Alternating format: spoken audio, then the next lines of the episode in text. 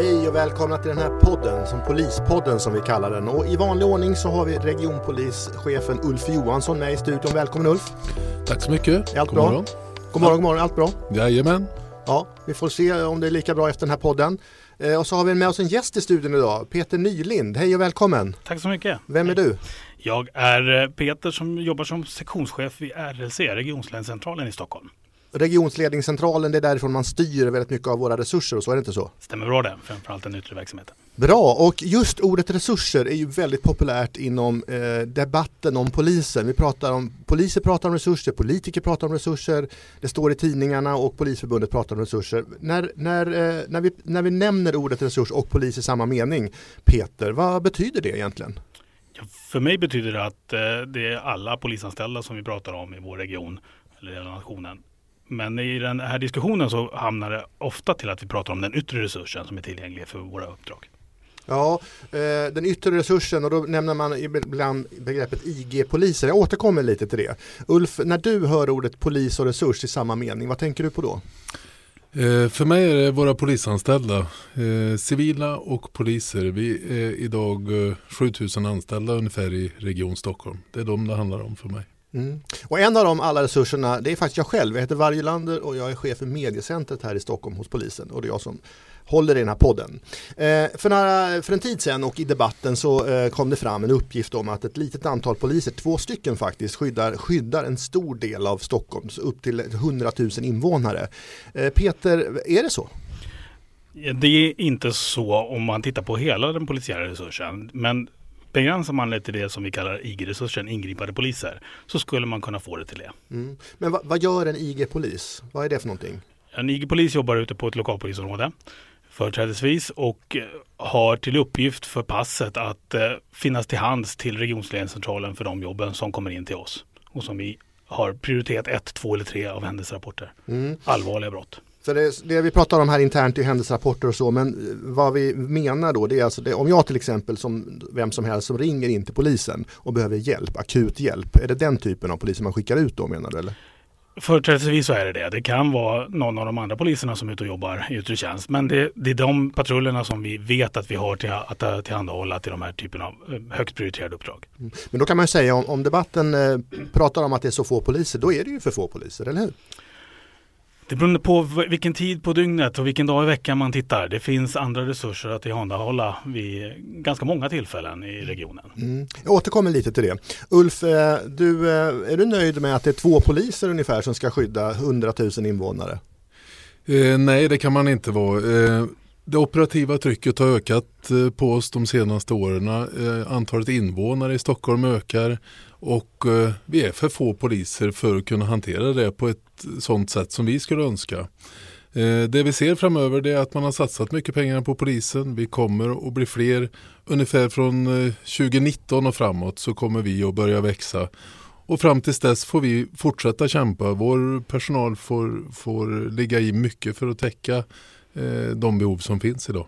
Mm. Jag skulle ändå vilja gå tillbaka lite till den här, de här siffrorna som förekommer utan att bli för alltför precis. Vi vill ju gärna inte alltid berätta exakt hur många poliser vi är eh, av, av, olika skäl, säkerhetsskäl och annat. Men jag skulle ändå Peter vilja att du förklarar för mig att om det är fler än två eller fyra eller fem eller vad, vad är det för poliser vi har att tillgå egentligen? Jag tänker börja i en annan ände. De här poliserna som vi nu diskuterar det är de som vi kallar lite slarvigt minimibemanning. Det är de som genom en riktlinje gör att vi har en grundresurs att utgå ifrån och den understiger vi sällan, nästan aldrig. Och de poliserna finns för att hantera de här eh, prioriterade uppdragen dygnet runt, alla dagar i veckan. Sen så tillkommer det olika typer av resurser och det är de jag menar som att vissa dagar i veckan, vissa tider finns det mer att, eh, att använda till olika typer av uppdrag. Mm, kan, du, kan du ge en exempel på det? Absolut. Det finns brottsförebyggande verksamhet. Förmodligen eh, för lite, men vi har sådana som är ute och rullar. Vi har områdespoliser, vi har poliser från vår, på vår gränsenhet, vi har eh, olika typer av insatser som är igång, helg, cityhelg och liknande. Så de finns att tillhandahålla också för det här uppdraget att vara ute och hjälpa våra medborgare. Så du menar att eh, medborgarna i Stockholm kan känna sig lite mer trygga än att man bara har, har cirka två, tre poliser på sådär 100 000? De allra flesta dagarna och eh, tiderna på dygnet så, så finns det fler. Mm. Men i vart fall, både uh, Ulf och Peter, så är ni i alla fall verkar överens om att vi är för få. Peter? Ja, det skulle jag nog säga utifrån att vi har mycket att göra. Det finns eh, mer som vi skulle kunna göra, höja ambitionen så skulle det definitivt kunna behövas fler som gör det. Mm. Eh, för några dagar sedan eller, eh, så hade det varit en fotbollsmatch eh, här i, i Stockholm och det var ett derby. Och det brukar dra väldigt mycket poliser därför att det är stökigt och de eldar och, och, vi behöver mycket säkerhet kring det där. Och vi går inte ut exakt med hur många som jobbade men jag hörde i korridoren här att vi pratar om ett, ett, ett drygt hundratal eller kanske 200 eller ännu fler poliser som bevakar en fotbollsmatch. Ulf Johansson, hur ser vi på det? Ja, som det är eh, just nu, det här var ett derby, så är det eh, helt klart nödvändigt att vi har polisiär närvaro där. Det skulle inte kunna gå att spela den här matchen eh, annars. Men det är naturligtvis otroligt viktigt att vi viktar våra resurser, dels då fotbollsmatcher mot vardagsverksamheten. Och jag kan tycka att det är oproportionerligt mycket i, åt idrottens fördel i, i den här frågan. Mm. För hur hänger det ihop? Vi har å ena sidan väldigt svårt att hinna med våra utredningar. Eh, vi hinner inte skicka patruller till alla vi säger och ändå kan vi ha några hundra kanske eller vad det är stående och titta på en fotboll. Peter, har, har du funderat kring det där någonting? Ja, mycket med tanke på att det är en resursbegränsning i regionen och det gäller att vi använder våra resurser på rätt sätt eller till rätt saker. Men sen så är det som Ulf säger, vi kan inte släppa en, ett stort evenemang som till exempel fotbollen helt i arrangörernas eh, ansvar, speciellt inte före och efter. Mm. Och där blir det nödvändigt och då blir det att försöka prioritera på en redan hårt prioriterad resurs den här uppdragen. Mm. Finns det några andra tillfällen bortsett från idrott som drar väldigt mycket poliser? Som du tänker på? Ja, men det, våra allmänna sammankomster och offentliga tillställningar har en, en ganska resurskrävande liksom, upplägg utifrån när, när det finns hotbilder. Mm. Och då behöver vi vara ganska många och då kommer det att tära på den andra ordinarie linjeverksamheten. Mm. Eh, det pratas väldigt mycket om trygghet i Stockholm och i övriga landet också. Alla siffror pekar ju faktiskt tyvärr neråt. Att människor i Storstockholm och i andra delar av landet känner sig mindre trygga. Ulf, Vad, hur ser du på det?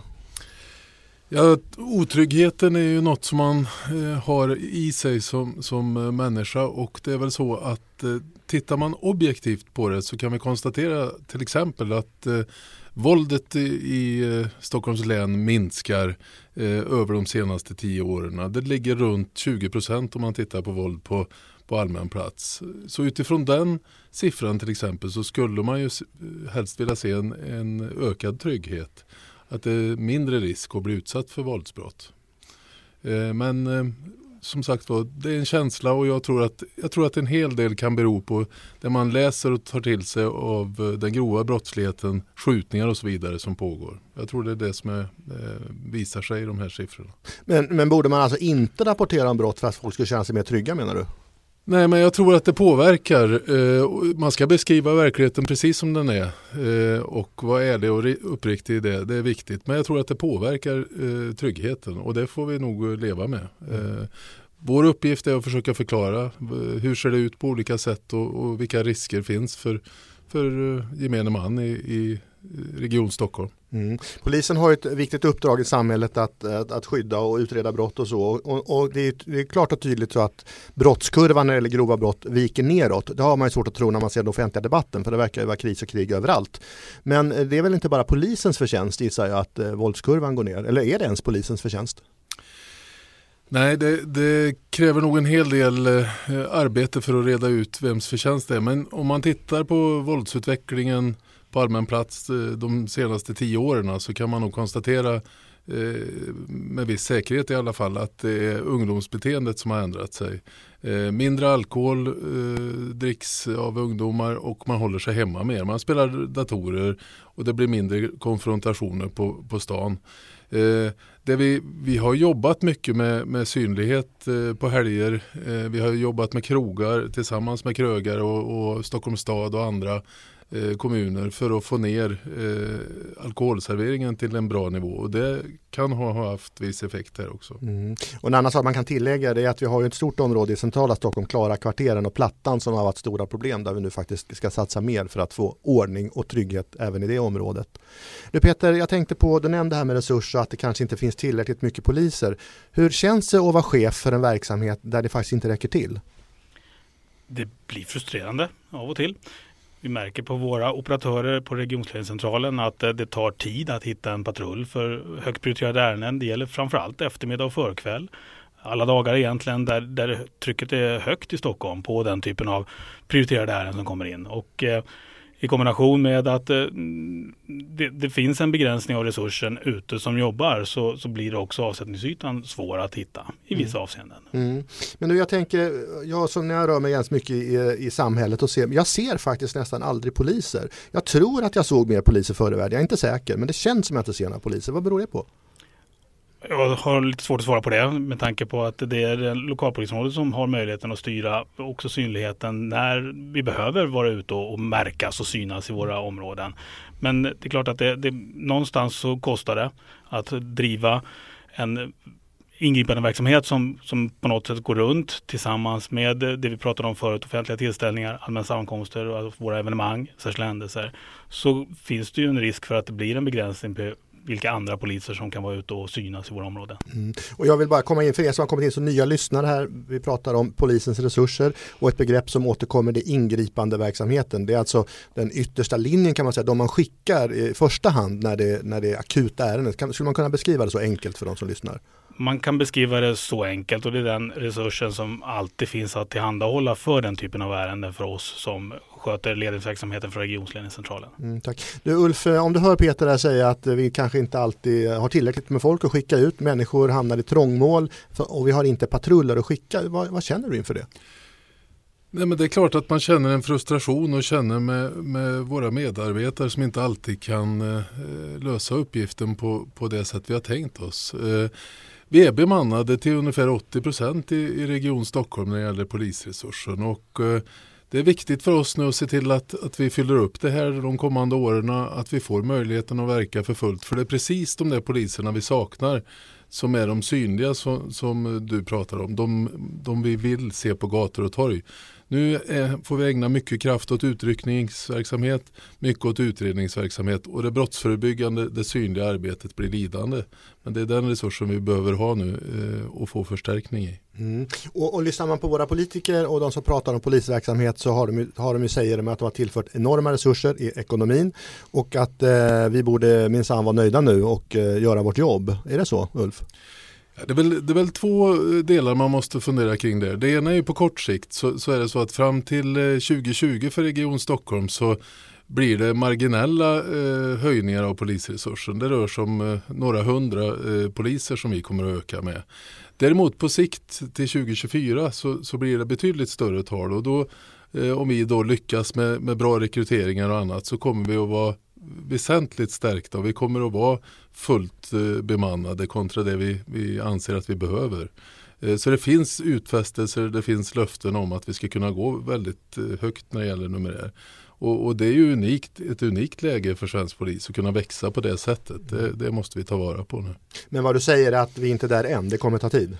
Nej, vi är inte där än och som sagt var fram till 2020 ser vi högst marginella förändringar. Mm. Och när man tittar då på att vi är för få och vi behöver mer poliser, då är det två frågor som är viktiga tycker jag och som vi pratar om internt mycket. Dels är det rekryteringen som du var inne på, men också att få tillbaka de poliser som faktiskt har slutat. Hur går det med det arbetet? Ja, man kan säga att det, det, det, är tre saker som är särskilt viktiga. Det ena är att, att locka hit framtidens poliser på ett bra sätt. Eh, där måste vi bli bättre. Eh, vi behöver också locka tillbaka Eh, de poliserna som slutat. Det är ju då det enklaste sättet för oss att, att förstärka organisationen. Vi har väl eh, i de senaste eh, tiderna här fått tillbaka ungefär 30 poliser. Och här är varje polis mycket värd ska jag säga så att det är viktigt, ett viktigt arbete. Men kanske viktigast av allt är att vi behåller de vi har. Och där gäller det att jobba med lön och villkor och, och, arbetsmiljö och annat så att vi får våra poliser att stanna. Mm. Peter, du, hur länge har du varit polis? Drygt 25 år. Vad, trivs du med jobbet? Mycket bra. Ja, varför då? Vad är det som gör det så lockande och bra? För min egen del så är det att det är ett arbete som har vanligt många bottnar. Det finns en stor utvecklingspotential både för mig själv och för, för den verksamheten som man är involverad i. Och eh, det gör att det är dynamiskt. Det, det, liksom, det blir aldrig tråkigt. Mm. Hör ni det nu alla ni poliser som har slutat? Välkomna tillbaks så fort ni kan. Eh, vi pratar också här mycket om att faktiskt ha rätt poliser på rätt plats Ulf.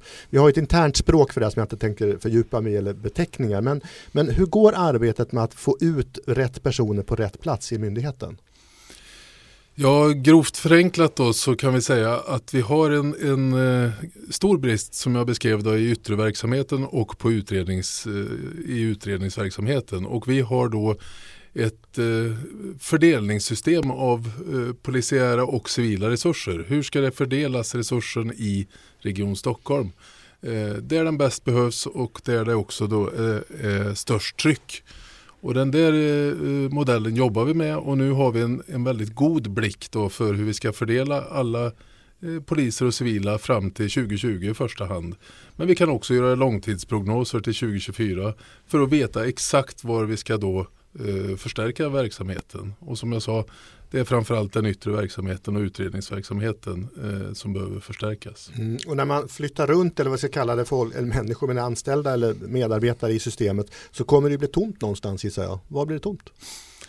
Ja, eh, det är klart att, att vi kommer att lägga mindre på, på regionala avdelningar eh, som, som eh, har verksamhet som stöttar övriga verksamhet. Det kommer vi inte att växa utan det kommer att gå ner. Vi kommer att försöka minimera administration och byråkrati i olika delar. Eh, men framförallt då alla nya som kommer in nu framöver, där är det då viktigt att de hamnar längst fram närmast medborgarna. Det är det som är eh, huvudpoängen här. Mm. Eh, tack för det Ulf. Eh, du Peter, jag funderar ändå på det här lite mer kring kring synen på närvaron och synligheten av polisen och att, att det känns ibland som att det faktiskt inte finns några poliser. Eh, och, och, du beskrev det innan som att det finns massa olika resurser i, i stan, i Stockholm som man kan använda på olika sätt. Är det så att om det sker någonting i södra delen att man kan flytta poliser från andra ställen eller hur fungerar det? Ja, men i allra högsta grad. Det gäller all vår resurs i grunden, men om man tittar på det som vi återigen då kallar ingripande resursen, ingripande patrullerna, så är de en regional resurs om de behöver det. Det vill säga kan flyttas mellan områdena. Man har ett grundansvar, man håller sitt område, men behövs det så blir man genom vår försorg flyttad där man bäst behövs. Och det mm. kan betyda ibland långa resor eh, i regionen för att stötta någon patrull eller ta ett, ett mer prioriterat jobb. Mm. Men kan vi slå fast att eh, vi är för få eh, men vi är i alla fall inte eh, på ner och gnager på benet att det finns resurser att använda om det behövs, är det så? Fördelen med en stor region som Stockholm det är att det finns resurser att ta när det behövs. Sen mm. så är det i grunden så att det skulle behövas ännu fler resurser. Mm. Både i, i det här uppdraget att ta de prioriterade ärendena men också runt omkring det vi kallar ofta som BF-verksamhet. Mm. Ibland i debatten också så får man höra om människor som utsätts för, för inbrott till exempel, bostadsinbrott eller, eller inbrott i butik. Och så eh, kommer det ganska mycket kritik på att det tar väldigt lång tid att få dit eh, alltså en tekniker, en lokus som vi säger ibland också. Eh, det kan ta en dag, det kan ta två dagar, det kan ta tre dagar. Hur ser du på det, du som faktiskt styr resurser? Ja, men det blir en form av prioritering i förhållande till andra viktiga saker. Det här är på inte sätt oviktigt. Vi skulle gärna vilja kunna komma oftare, fortare. Men i kombination med att det, det, resursen är begränsad och att det är andra viktiga saker så blir det en av konsekvenserna att det kan ta lite längre tid. Mm, man kan ju ändå förstå den frustration om du har haft inbrott och polisen faktiskt inte kommer när man ringer. Eller? I allra högsta grad. Mm. Du Ulf, vi har ju i Stockholm tre särskilt prioriterade områden som vi satsar väldigt mycket polisresurser på. Det handlar om områden där våldskapitalet är högt, narkotikahandeln är öppen och så vidare. Det suger ju resurser ur organisationen. Eh, hur ser du på det att vissa får väldigt mycket och andra då inte får någonting alls egentligen? Ja, det, det, är en bra beskrivning av hur det ser ut idag. Eh, och eh, vi har medvetet satsat extra på våra tre särskilt prioriterade områden i Region Stockholm. Det är eh, Rinkeby, det är Botkyrka och Södertälje då, som har fått särskilda resurser. Och det beror ju på att det är en unik problembild i de här områdena. Jag tycker också det har varit viktigt att visa att organisation och ett lokalpolisområde kan Eh, Eh, fungerar alldeles utmärkt om man har rätt förutsättningar. Så ur den aspekten är det bra med goda exempel. Vad som är viktigt nu är, är att vi ger övriga eh, områden samma möjligheter så att de får motsvarande utifrån sin nivå eh, möjligheten att bedriva en bra verksamhet. Och det är det som hela eh, satsningen framöver nu när det gäller resurser handlar om. Och, ge hela Region Stockholm samma förutsättningar. Men, men, trots det, kommer det verkligen finnas tillräckligt mycket polisanställda för att inte ha massa vita fläckar på kartan? Eh, ja, jag bedömer det ändå så och eh, viktigt är att öka de här eh, områdenas eh, framförallt polisresurser. Eh, sen är det alltid så naturligtvis, det, vi kommer aldrig att tycka att vi har tillräckligt med resurser. Därför är det viktigt att vi kan hjälpas åt och göra saker tillsammans. Och det tycker jag vi utvecklar hela tiden. Och då tänker du tillsammans med vilka då? Ja, tillsammans eh, internt eh, mellan olika områden och, och, enheter men också tillsammans med övriga samhället vilket är extremt viktigt naturligtvis. Och den som sa det, han heter Ulf Johansson och han är regionpolischef i Stockholm. Jag brukar kalla honom för Stockholmarnas polis. Och i studion har vi också haft Peter Nylind som är chef för regionledningscentralen. Jag själv heter Varje Lander, chef för mediecentret. Och som ni märkte så använder vi ordet resurs kanske hundra gånger i den här podden, precis som det var tänkt. Tack för att ni lyssnade.